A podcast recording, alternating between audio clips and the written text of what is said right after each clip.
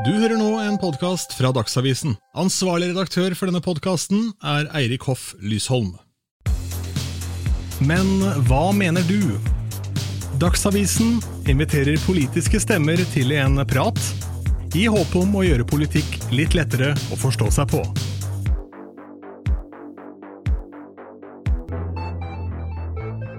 I denne episoden skal jeg prate med stortingsrepresentant for Høyre, Mathilde Tybring-Gjedde.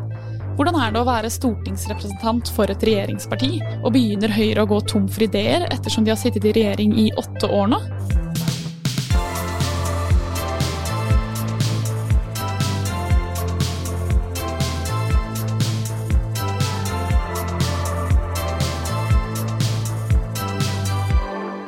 Hei, Mathilde, og velkommen hit. Tusen takk. Mitt eh, første møte med deg det var da vi hadde sånn ungdomsdebatt på videregående skole, og du var der for å representere Høyre.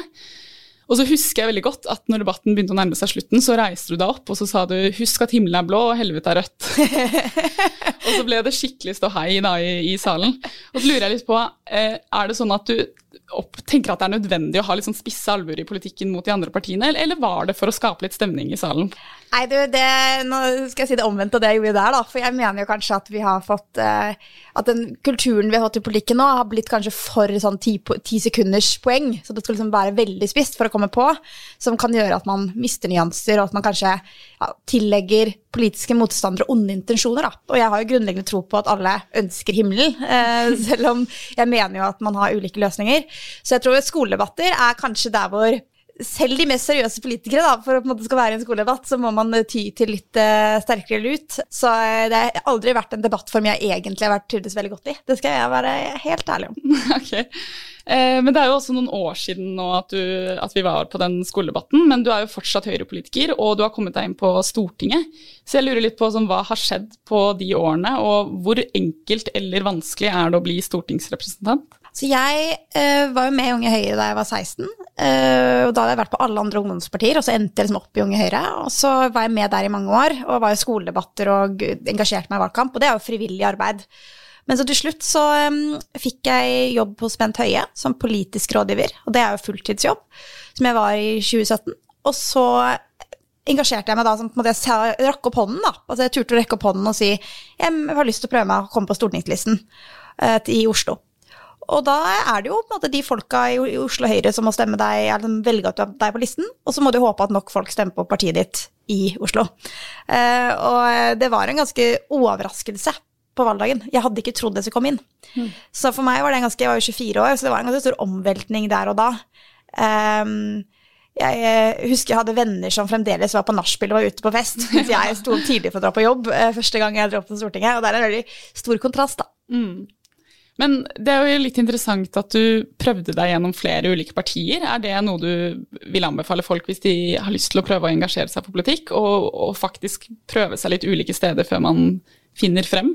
Ja, jeg tror det. fordi det er veldig lett å velge det partiet hvor du på en måte kanskje gjennom overskrift de tenker eh, passer deg best, eller som vennene dine har engasjert seg i. Og jeg gikk på en skole hvor veldig mange var med i Rødt og SSU, eh, så jeg trodde naturlig egentlig at jeg var på venstresida av norsk politikk, og liksom starta på møter der.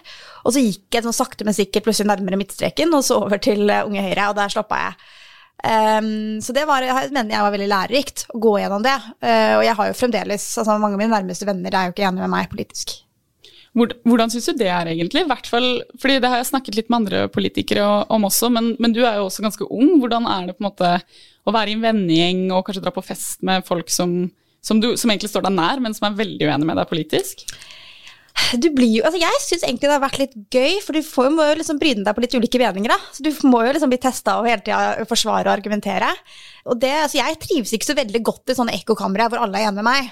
Jeg tror jo på en måte at hvis man sitter, hvis man bare har venner eller er bare er i gjenger hvor alle er liksom helt enig i at noen er håpløse, f.eks., så bør man stille seg spørsmålet hvorfor stor del av befolkningen faktisk er uenig med deg uh, i en del saker, da. Uh, og at det kanskje er fint å oppsøke dem òg. Så jeg syns det har vært en styrke. Jeg skjønner. Uh, men du er jo her for å representere Høyre, og Høyre har jo nå vært i regjering i åtte år. Og da bare lurer jeg på, hvordan, Det er jo mange år. er det sånn, Kan man på en måte gå litt sånn tom for ideer etter hvert? Eller styrer man like sterkt på åttende år som det man gjorde i første året? Ah, det er et godt, eh, godt spørsmål. Jeg, jeg, jeg tror på en måte Det kommer litt an på, da. Du kan falle i noen fallgruver her, ikke sant. Eh, på én side så er det veldig bra at han har erfaring. Jeg tror eh, min gamle sjef Bent Høie tror jeg er veldig takknemlig for at han var helseminister i mange år før pandemien kom, f.eks. Mens andre ganger så kan man jo risikere at man liksom bare lytter til som de som jobber i embetsverket og byråkratiet, og så glemmer man å liksom følge med på hva som skjer ute hos, hos folk som man faktisk skal representere da, som mm. politiker. Eh, jeg mener at Høyre har vært ganske gode på å la oss unge få plass og spillerom, og at det har vært litt sånn kultur for at ok, har du det, skriver du innlegg, engasjerer du deg i nye temaer, så belønnes det. Altså det hylles, istedenfor at man er redd for at man eh, kritiserer regjeringen hver gang man mener noe annet enn det regjeringen gjør. Eh, men det er jo en, er en en sånn balansegang, da. Eh, og sånn da jeg kom inn i 2017, så syntes jeg det var litt krevende. Da hadde vi sittet fire år. Og mange statsråder som er liksom i regjeringen, og du sitter på Stortinget og på en måte prøver å løfte litt nye debatter. Og så prøver jeg også å løfte kanskje debatter som jeg vet at unge er opptatt av, men som kanskje ikke eldre politikere har fanget opp på samme måte. da. Ja, for jeg tenkte vi kunne komme litt inn på det når du kom inn på Stortinget. For da var jo du, som du nevnte i stad, ganske ung, 24 år. Ja. Følte du at du på en måte ble oppfattet av eh, kollegaene dine som en seriøs politiker? Ble det liksom stilt noen spørsmålstegn rundt at du var ung? Det har nok blitt det.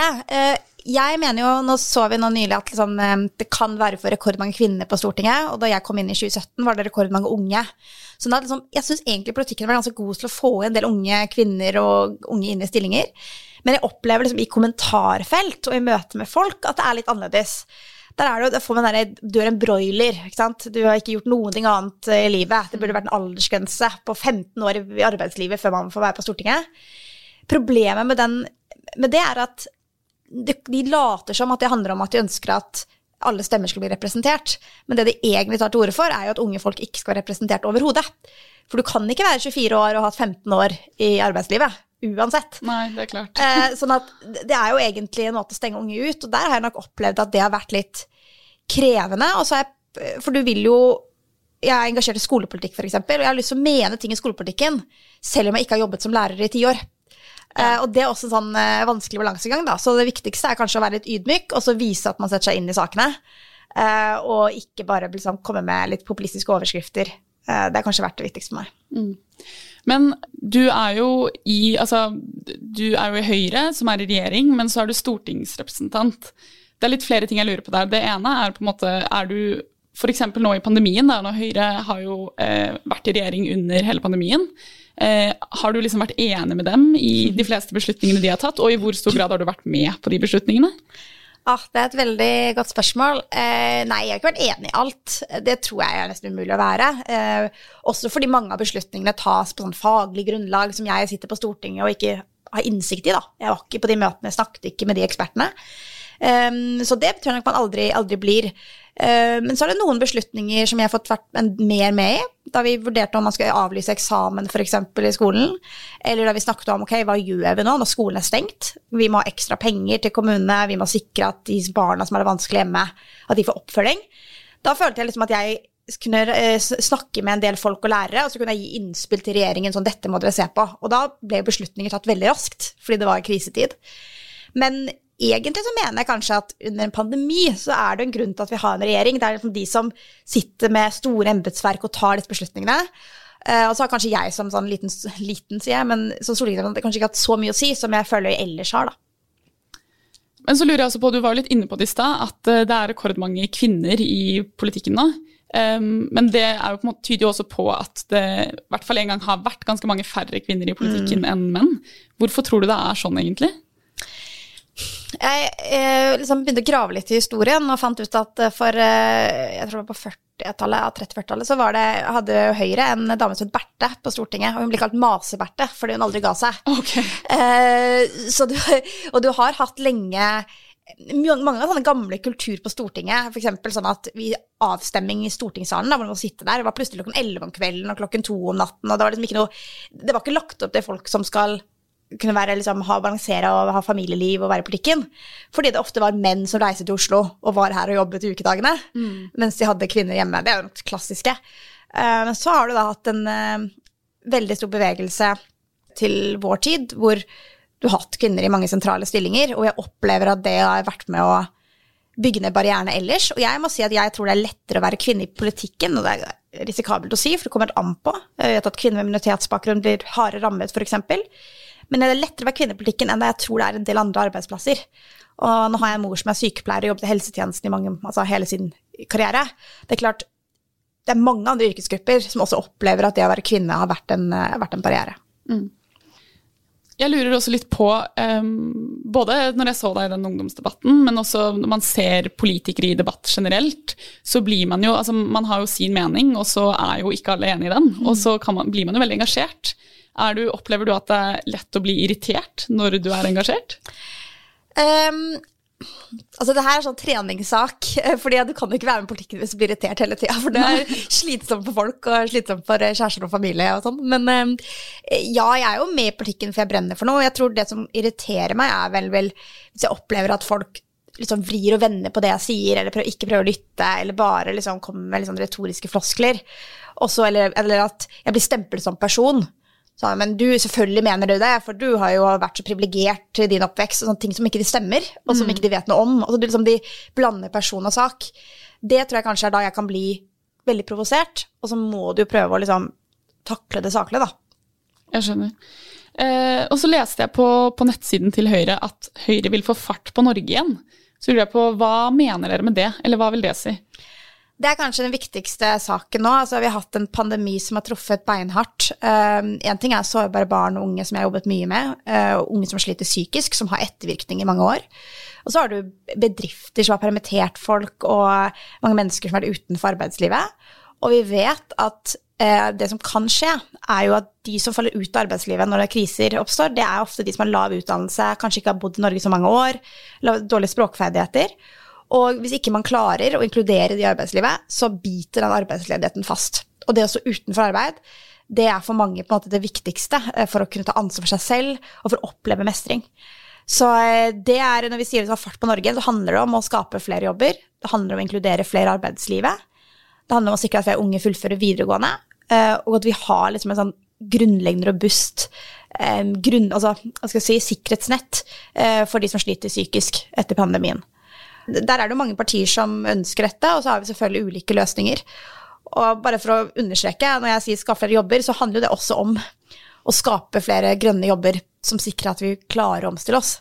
For vi skal gjennom ti år altså nå med store utslippskutt, samtidig som jeg er opptatt av at det også er velferd for mine barn og barnebarn. Da. Og det er en balansegang som vi må, vi må lykkes med. Ja, Der kommer vi jo litt inn på klima, som jeg også tenkte at vi gjerne kunne prate litt om. Fordi miljø og klima er jo noe som engasjerer mange, og spesielt unge. Det er sånn, Vi har jo Miljøpartiet De Grønne, og vi har flere partier som på en måte identifiserer seg som grønne partier. Men dere er jo et blått parti, og på en måte såkalt eh, borgerlige. Så jeg lurer litt på hva, hva er liksom deres miljøpolitikk oppi dette, og hvordan mener dere at vi skal snu det, da? Mm. Det er viktig å si at ja, vi er et borgerlig konservativ, liberalkonservativt parti. Eh, hva betyr det? Jo, det betyr jo nettopp at vi ønsker at altså ha ansvar for fremtidige generasjoner. Sånn at måtehold, moderasjon, kampen mot overforbruk og grådighet, det ligger egentlig ganske sånn iboende da, i en sånn konservativ liksom, verdisett. Uh, og når det kommer til klima, så tror jeg at jeg tror den store forskjellen mellom Høyre og f.eks. MDG, uh, det handler om uh, hva slags altså, jeg mener man må ha folk og bedrifter med på laget for å lykkes. Eh, det som skjer nå, for hvis du skal lykkes med å nå klimamålene, eh, det er jo at du har bedrifter som, hvor det lønner seg for dem å investere i klimavennlig teknologi. Det lønner seg at industrien vrir fra bare å levere ting til oljenæringa til å faktisk jobbe med andre fornybare næringer. Eh, men det handler også om å skape arbeidsplasser, for jeg tror ikke du klarer å nå klimamålene dersom bedrifter har røde tall på bunnlinja, dersom man øker skattene kraftig som gjør at de ikke kan ha råd til å investere grønt, eller hvis folk faller utenfor samfunnet. Og jeg syns pandemien har vist veldig tydelig at det der at da har vi på en måte reist jo mindre, vi bevegde oss mindre, vi produserte mindre. Men klimautslippene gikk ikke veldig mye ned i 2020. Du skulle tro det, det gjorde ikke det. Og det er fordi at det er ikke det, er ikke det som skal til. Det er selvfølgelig en del av det. Vi må slutte å overforbruke, det må vi. Men det viktigste er faktisk at det vi produserer, eh, den velstandsveksten vi har, at det frikobles fra klimautslipp. At man klarer å ha fortsatt velstand, eh, utvikle ny teknologi, eh, fortsatt nye arbeidsplasser som skapes, men at det skjer uten at det er CO2-utslipp ute i atmosfæren. Ja, fordi dere sier at dere vil eh, kutte utslippene, men ikke utviklingen. Ja. Um, så hvis jeg skal prøve å forklare det med mine ord og min forståelse, så betyr det da at dere vil ha færre utslipp, men dere vil fortsette å utvikle på en måte arbeidsplasser og sånne ting. Er det, er det rett forstått? Ja, sånn, siden 1990 så har vi blitt én million flere nordmenn, mens utslippene har eh, gått faktisk noe ned. Uh, det har gått ned nå fem år på rad. Ikke nok, men fortsatt gått ned. Så det er ikke nødvendigvis slik at jo flere vi er, eller jo flere arbeidsplasser, jo mer økonom økonomisk vekst vi har, jo større utslipp skal det være. Uh, det, det, trenger ikke å være sånn. Det har vært sånn over mange hundre år, flere hundre år, men det er det vi skal prøve å bryte. Så jeg mener jo at når du reiser langs kysten i Norge nå, da, så møter du bedrifter som tidligere leverte rigger til oljenæringa, som nå jobber med um, elferger, med egentlig, altså hele maritim sektor. Skips, skipsflåten vår gjøres nå, eh, gjør nå elektrisk, eh, eller på hydrogen, og kan eksporteres til resten av verden, som vi også tjener penger på det. Og det å tjene penger på det grønne skiftet, det mener jeg er bra. Så jeg mener det er med på å skape arbeidsplasser, og det gjør også at man får mer inntekter til å investere enda mer grønt. Uh, og det vi har gjort med elbiler, er jo det samme. Man kan fortsatt kjøre bil, man må bevege seg i vårt samfunn, transportere varer i et så langt strakt land som Norge er. Men at det kan gjøres uh, fornybart uh, uten store klimaavtrykk. det er jo kanskje noe av det jeg mener med å kutte utslipp, ikke utviklingen. Og så er jo jeg, da, bare for å legge det til, jeg mener helt oppriktig at én ting er klimakrisen, men vi har også en natur- og miljøkrise. Mm. Som vi av og til glemmer å snakke om. Men det er vel så viktig. Jeg driver og flytter nå. Altså jeg, bare, jeg, blir så flau av alt jeg har klart å samle opp av ting. Og sånn ja. kast- og brukssamfunn som vi har, så mye sløsing vi har. Og hvor lite av det som faktisk resirkuleres. For det er ikke lønnsomt å resirkulere ting. Det er nå I dag så er det mer lønnsomt å bare hente mer ting rett ut av naturen. Ja. Og det er også et veldig stor skifte vi må gjennom. Eh, som bl.a. handler om å øke CO2-avgiften. Det handler faktisk om å gjøre at det er at det er dyrt å forurense, og mer lønnsomt å velge miljøvennlig. Mm. Men jeg tenkte at vi også kunne komme litt inn på boligpolitikk, som jo også er viktig for ganske mange unge. Eh, og slik det er nå, så er det jo ganske vanskelig for unge å komme seg inn på boligmarkedet, og det er det jo også blitt snakket mye om. Mm. Men hvorfor er det egentlig sånn, og hva, hva, kan på en måte gjøres der? Er det sånn at uh, Ja, Høyre har jo vært i regjering i åtte år nå. Er det sånn at hvis det f.eks. blir et regjeringsskifte, så Eh, kan noe gjøres som gjør at det blir lettere for unge å komme seg inn på boligmarkedet? Er det, eller er det noe dere kan vedta? på en måte? Eh, jeg vil si dette er mangel på bolig, og at boligprisene stiger veldig kraftig. og Særlig i Oslo, men du ser også i andre storbyer. Det er kanskje det eh, mine venner snakker mest om uh, når jeg møter dem. Altså det, er, det, er, det som vår generasjon er veldig bekymra for. Mm. Det, er, det, er, flere årsaker til at vi havna her. Det ene er rett og slett at renta har vært veldig, veldig lav. Så det er nesten gratis å låne penger. Så hvis du har egenkapital, så på en måte det å betale tilbake lånet ditt, det koster veldig lite eh, sammenlignet med det å leie, f.eks. Og det at renta har vært så lav, det er jo det som har gjort at du har fått denne spiralen opp, hvor folk har kjøpt eh, ja, kunne by over evne på boliger. Eh, og så har det blitt bygget for lite. Og for lite av de leilighetene som førstegangskjøpere etterspør, som er mindre leiligheter. Og det har blitt bygget for lite leiligheter generelt i Oslo, sammenlignet med hvor mange som har flytta hit. Og det er jo et felles politisk ansvar. Det ble helt sikkert ikke bygget nok da Høyre styrte i Oslo, og det ble bygges i hvert fall ikke nok nå. Eh, men det mener jeg er det viktigste. Altså det er det viktigste er å faktisk å skape flere boliger. Uh, og da må man få ned tiden det tar å saksbehandle uh, og bygge boliger. Litt kjedelig, men det er helt oppriktig viktig. Uh, det må være billigere å bygge boliger. Altså Hvis du har veldig mange krav som bare er fordyrende hele tida, så er det jo du som kjøper boligen, som må betale Mm. Um, Og vi må få opp farten på nye områder. ikke sant? Bjørvika og Oslo, det er mange områder i Oslo som tidligere var liksom, egentlig bare store fabrikklokaler, som nå har blitt gjort om til boligstrøk. Men det krever liksom politiske visjoner, da. Ja. Eh, vi begynner å nærme oss eh, slutten, men jeg lurer litt på no, Jeg tror noen tror at det på en måte er noen visse typer mennesker som stemmer på visse partier. Ja. Eh, opplever du at det er noen feiloppfatninger eller klisjeer om hva som er en standard høyrevelger? Eh, ja, det opplever jeg. Altså, det er klart uh, det, er kanskje, det, er kanskje, den klisjeen som gjorde at jeg også ikke trodde jeg var med i Unge Høyre da jeg valgte parti. Jeg tror liksom jeg jeg er vokst opp eh, med en alenemor som er sykepleier og oppdro tre barn, og det var ikke alltid like lett. Og jeg liksom tenkte at Og jeg bodde, bodde også i et miljø hvor jeg syntes det var veldig mange som hadde en del penger, og som ikke skjønte kanskje verdien av det. Eh, og jeg tenkte liksom Det er det Høyre representerer. Og så eh, forsto jeg, jeg nå, og har møtt veldig mange Høyre når jeg har reist rundt, at verden er heldigvis ikke så svart og hvitt. Det finnes veldig mange mennesker som har mange ulike årsaker. Eh, jeg var akkurat mentor til en ung jente som ble med i Unge Høyre fordi hun var barnevernsbarn og mente at Høyre var det partiet som da hun var ung, lot henne velge eh, hjelp for psykisk, for psykisk helse og for rusproblemer. Eh, fikk, den hjelpen fikk hun eh, kunne ta til private, mens det var staten som tok regninga. Mens den muligheten fikk hun ikke hos venstresida, for der skulle hun offentlig drive alt, selv om behandlingen hos de private var bedre, og hun kunne få det gratis. Og det på en måte var eh, nok til at hun valgte Høyre. Så jeg tror, jeg tror vi bare er uenige uh, på sånn grunnleggende valgfrihet uh, på hvordan man, hvordan man, skal skape verdier. Um, men jeg, jeg, tror ikke nødvendigvis du trenger å være en viss personlighetstype. For jeg håper folk bryter litt ut av det òg. Ja, men hva, hva, opplever du at er uh, klisjeen, da? Om den visse personlighetstypen? Klisjeen er vel litt sånn uh, Hvis du bor i de vestlige bydeler i Oslo, så stemmer du på Høyre. Og hvis du bor øst for Akerselva, så stemmer du på, på en måte venstresida. Ja. Og hvis du ønsker Hvis du opptar klimaproblemer, stem MDG. Ikke sant? Jeg, det, er, det er ikke sånn. Uh, for det handler faktisk om hvem er det som har de reelle løsningene. Som, som f.eks. Uh, kutter utslipp, eller som bekjemper sosial ulikhet og fattigdom. Eller skaper en bedre skole, som er helt avgjørende for å løfte eh, barn uavhengig av foreldrenes bakgrunn. Og for meg så var det Høyre. Og så har jeg heldigvis sett at det er mange andre som bryter ut av de klisjeene, og at det er mer mangfoldige folk da, i et parti.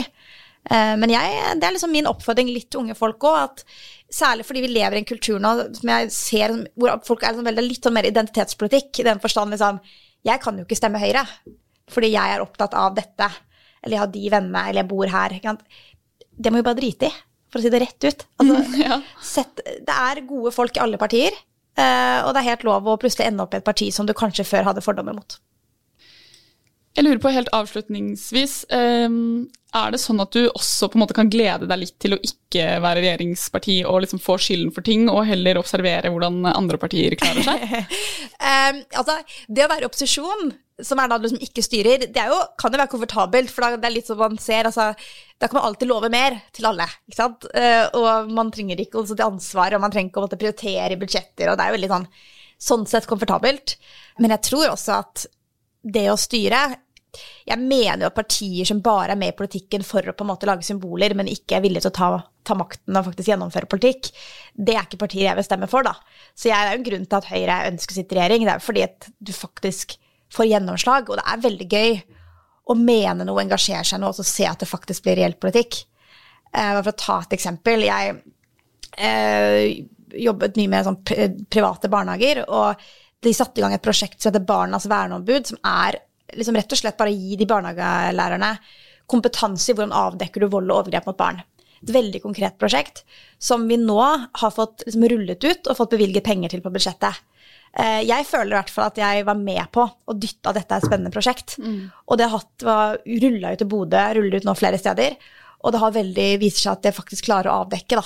Eh, og barnevernet i større grad blir kontakta når de skal og liksom har vært mulighet til å være initiativtaker bak et sånt prosjekt, og få det på statsbudsjettet. Det er vanskeligere når du er i opposisjon, enn når du er i posisjon. Mm. Du, tusen takk for at du kom i dag. Takk for at jeg ble invitert.